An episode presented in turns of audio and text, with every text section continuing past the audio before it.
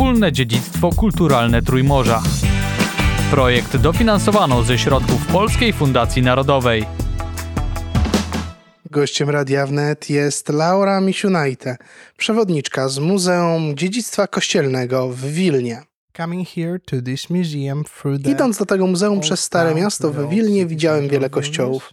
Ile kościołów znajduje się w historycznym centrum Wilna i jakie są to kościoły? Churches are in the historical center of Vilnius and what churches? W historycznym centrum jest ich prawie 20, ale oczywiście mieliśmy ich więcej do końca XVIII wieku, kiedy Wielkie Księstwo Litewskie przestało istnieć na 120 lat.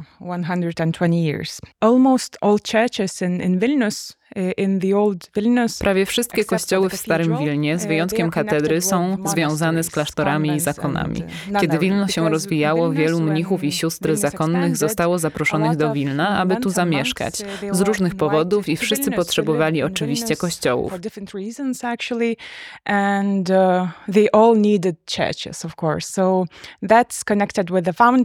Część związana jest z fundatorami. Niektóre rodziny szlacheckie chciały zbudować własne mauzolea. I na przykład ten budynek, w którym teraz siedzimy, klasztor i kościół świętego Michała Archanioła, został zbudowany z tego samego powodu. Do XVIII wieku mieszkało tu jednocześnie do 40 zakonnic, a kościół był również mauzoleum i nadal jest mauzoleum rodziny Sapiegów.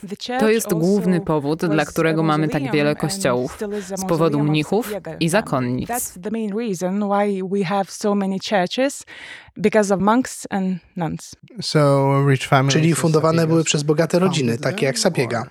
How was it? Some of the foundations actually are connected with the noble families as uh, the St. Michael the Archangel Ensemble. Niektóre fundacje są związane z zamożnymi rodami, jak na przykład ten kompleks świętego Michała Archanioła, ale inne, oczywiście, zostały założone przez biskupów wileńskich. Pierwsi mnisi faktycznie przybyli do Wilna jeszcze przed chrystianizacją Litwy. Mówimy głównie o Franciszkanach, ponieważ najstarsze kościoły w Wilnie, dwa najstarsze kościoły, są związane właśnie z Franciszkanami. Nadal stoją tutaj w Wilnie, a jeden z nich należy nadal do zakonu Franciszkanów. Mieszkają tam dzisiaj polscy mnisi. Now Polish monks live in Vilnius up to this day. Mówiła pani, że pierwsi mnisi przybyli tu jeszcze przed chrystianizacją.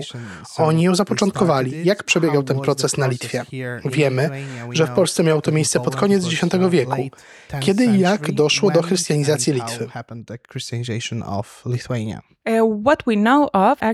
W zasadzie pierwsza wzmianka o Litwie pochodząca z XI wieku to sytuacja, gdy święty Bruno, pielgrzym, przybył na Litwę i zginął śmiercią męczeńską, ponieważ przybył na ziemię pogańskie.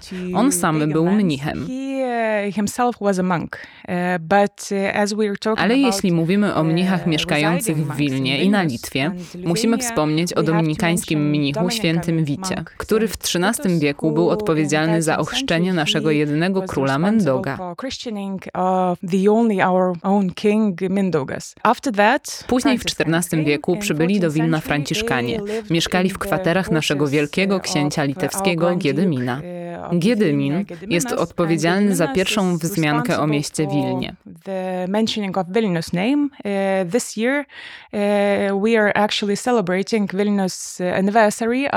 W tym roku świętujemy rocznicę 700-lecia Wilna i liczymy datę od listów Giedymina wysłanych do Europy Zachodniej, w których zapraszał rzemieślników i mnichów do zamieszkania tutaj, w Wilnie, które się rozwijało. I wiemy na pewno, że Giedymin sam nie napisał tych listów. Mnisi franciszkańscy to zrobili. Proces zaczął się w XIV wieku. A jak przebiegał? Gediminas wasn't the man that Christian the whole Lithuania, but Jogaila Giedymin nie ochrzcił całej Litwy. Zrobił to dopiero Jagieło w drugiej połowie XIV wieku. Jagieło był wielkim księciem litewskim i królem Polski. Ochrzcił siebie i ochrzcił Litwę. I od tego czasu zaczyna się historia katedry wileńskiej.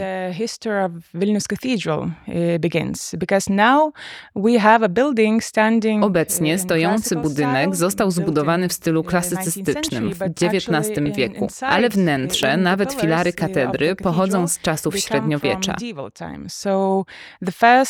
Mm, Tak więc, pierwszy oficjalny kościół, który teraz jest główną świątynią katolicką na Litwie, został zbudowany w XIV wieku za sprawą Jagieły.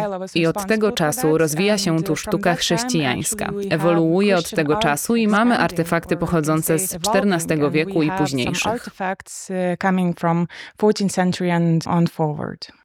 Co się stało z oryginalną średniowieczną katedrą? Wyobrażam sobie, że gotycką. Pierwsza katedra nie była nawet gotycka. To była mała katedra romańska, może wielkości jednej trzeciej obecnej katedry.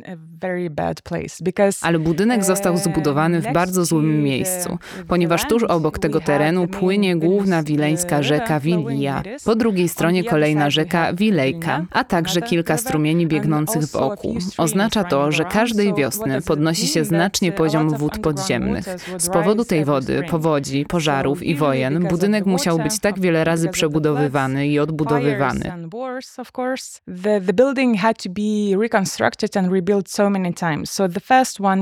Tak więc, pierwszy w XIV wieku musiał być odbudowany już po kilku dekadach. Został przebudowany na gotycką katedrę. Właściwie była dość duża. Wiemy na pewno ze źródeł historycznych, że była podobna do tej, która znajduje się w Polsce w mieście Fromborg.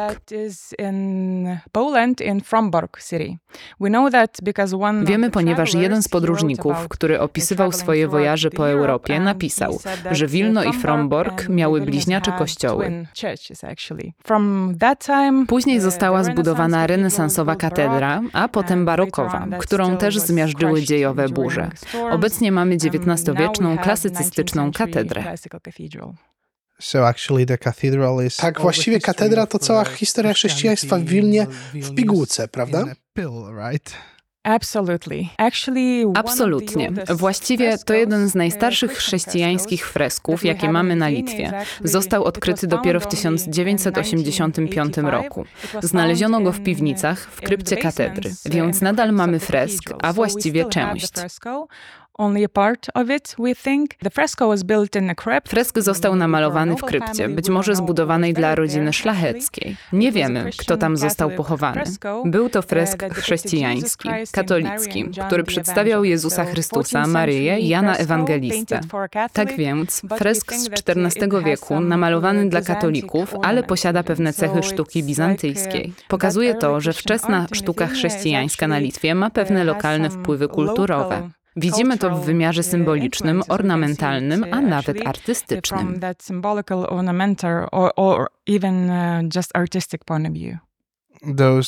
Wpływy te są widoczne również na Starym Mieście, ponieważ oprócz kościołów katolickich są tu także cerkwie prawosławne, a może jeszcze inne świątynie.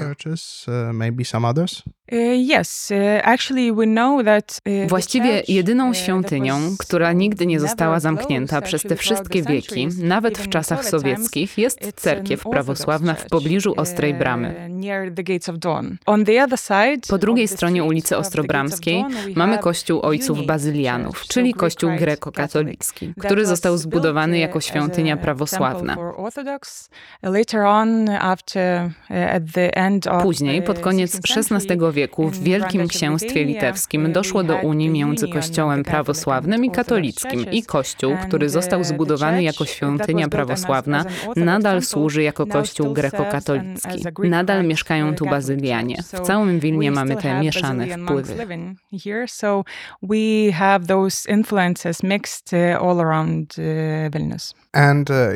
A jeśli ktoś przyjedzie do Wilna, może przyjść do Muzeum Dziedzictwa Kościelnego, aby dowiedzieć się o tych wpływach, o tej historii chrześcijaństwa. Uh, w muzeum mamy uh, głównie skarby katolickie, ale mamy pewne elementy, ozdoby, uh, które odzwierciedlają tę lokalną tradycję.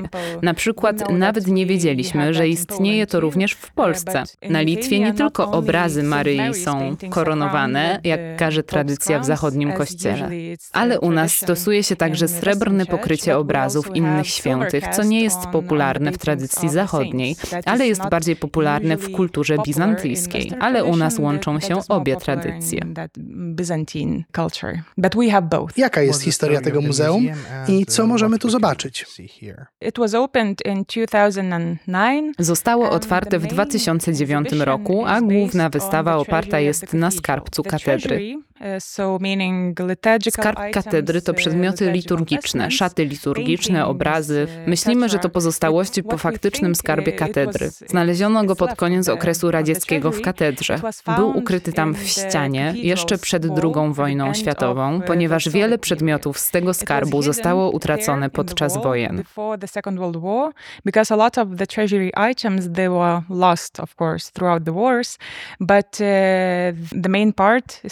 Ale główna część jest nadal wystawiana w naszym muzeum. Mamy tutaj najstarszy kielich liturgiczny, który był używany w mszy, wystawiony w muzeum.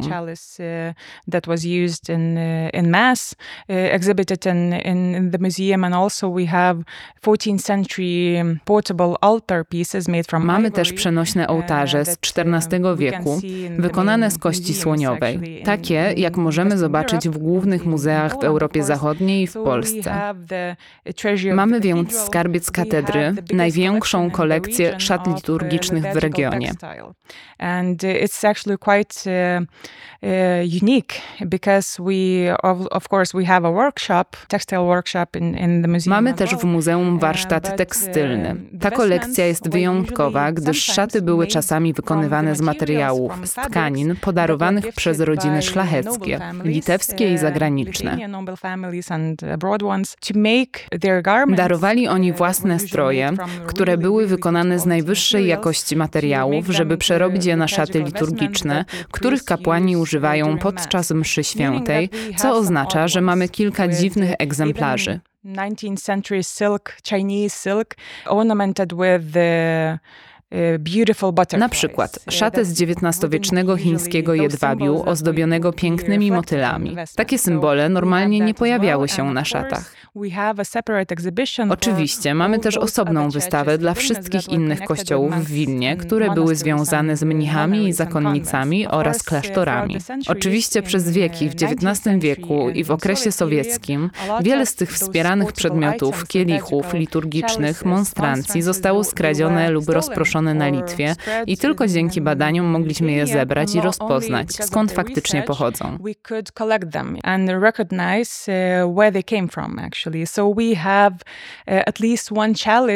Mamy więc co najmniej jeden kielich z każdego z 16 klasztorów, które funkcjonowały w Wilnie i gdzie mieszkali mnisi. Więc może przeniesiemy się do muzeum, aby zobaczyć niektóre eksponaty. Now we are standing in a room made for Teraz stoimy w pokoju stworzonym dla mniszek benedyktynek, które mieszkały tu aż do XVIII wieku i przez krótki czas w okresie międzywojennym w XX wieku. Uh, Zespół klasztorny był poddany badaniom uh, archeologicznym. W ich następstwie mamy tu ornat, który został wykonany przez same mniszki i mamy osobliwy przedmiot, który pięknie reprezentuje specyfikę naszego muzeum. of our museum. So Church Heritage Museum tak więc Muzeum Dziedzictwa Kościelnego jest specyficzne, ponieważ nadal przechowujemy szczątki ludzkie. Mamy tu więc relikwie świętych i mamy kilka przedmiotów liturgicznych, które do tej pory są używane podczas mszy świętej. Pokażę panu również jeden kielich, który jest nadal używany w katedrze. E, Ale teraz stoimy przy czaszce świętego Felicissima. Jest to właściwie nieznany święty. Nie znamy imienia tej osoby. Czaszka w tym relikwiarzu pochodzi z rzymskich katakumb. Jest to relikwia którejś z osób, które żyły w Rzymie do V wieku up until 5th century. Roman catacomb saints Święci katakumb rzymskich są tak nazywani, ponieważ byli to ludzie, którzy żyli w okresie, gdy chrześcijaństwo było na nadal nielegalne, co oznacza, że wielu ludzi zginęło jako męczennicy z powodu swojej wiary. Zostali pochowani potajemnie w rzymskich katakumbach, ponieważ nie chcieli być spaleni, jak nakazywało prawo rzymskie. Według przepisów każda zmarła osoba musiała zostać spalona. Wiele rzymskich katakumb znaleziono w XVI, XVII i XVIII wieku. Wtedy też każdy europejski kościół, każdy europejski biskup chciał mieć jakiś dowód na istnienie tych ludzi, co oznacza, że ich relikwie zaczęły podróżować po Europie. Uh, Ta czaszka świętego Felicissima została podarowana klasztorowi benedyktynek w XVIII wieku. Nie znamy imienia tego człowieka. Imię Felicissimo pochodzi od włoskiego słowa szczęśliwy, najszczęśliwszy. Reprezentuje ono chrześcijańską wartość szczęścia. Niektórzy męczennicy rzymskich katakumb zostali również nazwani imionami miejscowych świętych, czczonych w danym regionie were also named by the local saints that were usually venerated in the region. So for example, tak więc, na przykład w jednym litewskim kościele mamy osobliwą, dziwną rzeźbę relikwię, nazywaną na cześć świętego Bonifacego, który był także niemieckim świętym, dobrze znanym na tym obszarze, więc czaszka trafiła do benedyktynek z rzymskich katakumb.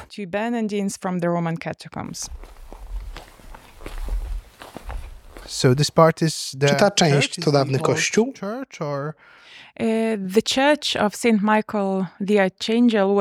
Kościół świętego Michała Archanioła został zbudowany dla benedyktynek, które tu mieszkały. Klasztor benedyktynek został zlikwidowany przed II wojną światową. Po II wojnie światowej kościół nie działał już jako kościół i został przekształcony w Muzeum Architektury.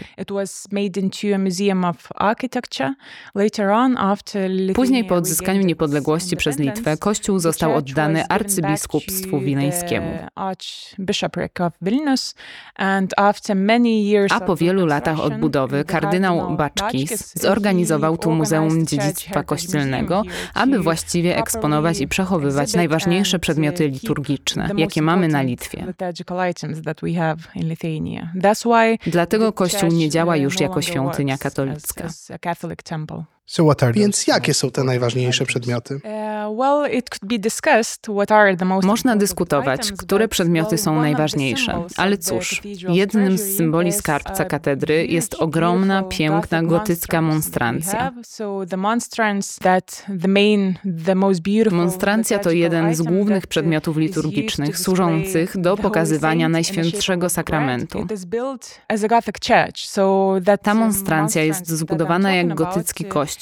Powstała w XVI wieku. Wiemy, że człowiekiem, który zamówił jej wykonanie był Albert Gostalt.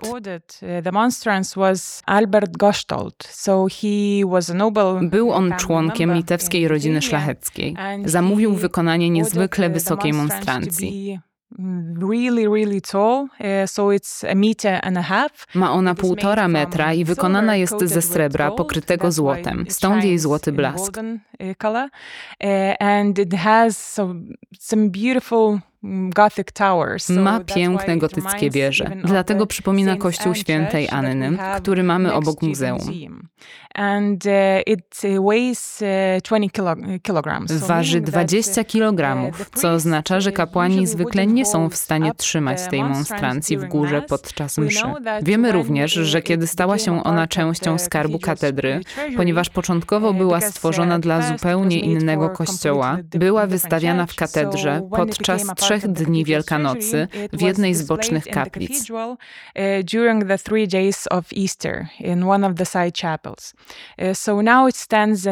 Tak więc teraz stoi pośrodku naszego kościoła muzeum.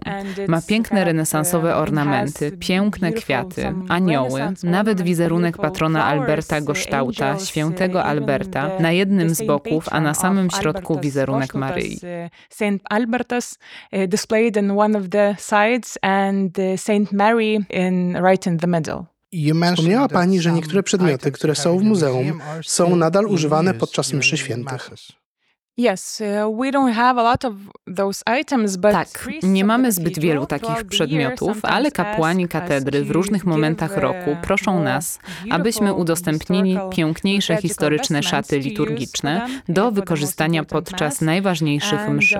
Wypożyczają także jeden kielich, który jest największym złotym kielichem na Litwie.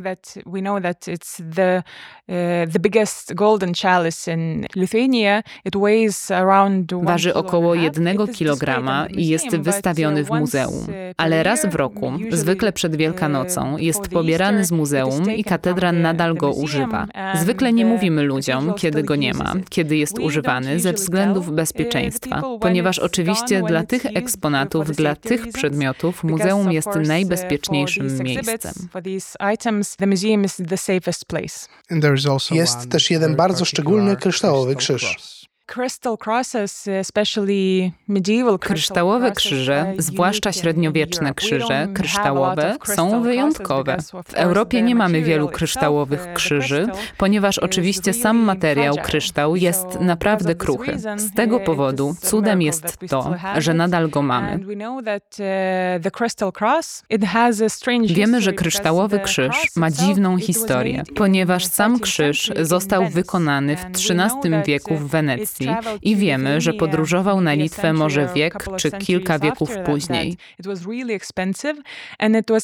Był naprawdę drogi i został włączony do krzyża, który mamy teraz w XVI wieku. Został wykonany jako krzyż, a także jako relikwiarz dla jednego świętego, świętego Eustachego. Był jednym z trzech męczenników wileńskich, ale relikwia tego świętego niestety zaginęła. I tak, ten kryształowy krzyż został włączony do renesansowego przedmiotu. Niestety, w XVIII wieku srebrna stopa, która również przedstawiała herb tej samej rodziny Gosztautów, ponieważ Albert Gosztaut również zamówił ten krzyż, ta srebrna stopa została zdemontowana z krzyża i przekazana wraz z niektórymi innymi przedmiotami liturgicznymi w celu sfinansowania powstania przeciwko carskiej Rosji to fund an uprising against Tsarist Russia because it happened at the end of Miało to miejsce pod koniec XVIII wieku. Wiemy, że powstanie kościuszkowskie było przegrane. Tak więc stopa krzyża nigdy tu nie powróciła i nie została przymocowana do krzyża. Teraz mamy tylko wykonaną z drewna i pomalowaną złotą farbą stopę z XIX wieku. Jest to naprawdę wyjątkowy przedmiot, a to dlatego, że różne jego części pochodzą z XIII, XVI, a nawet XIX wieku. Thank you very much. Thank you.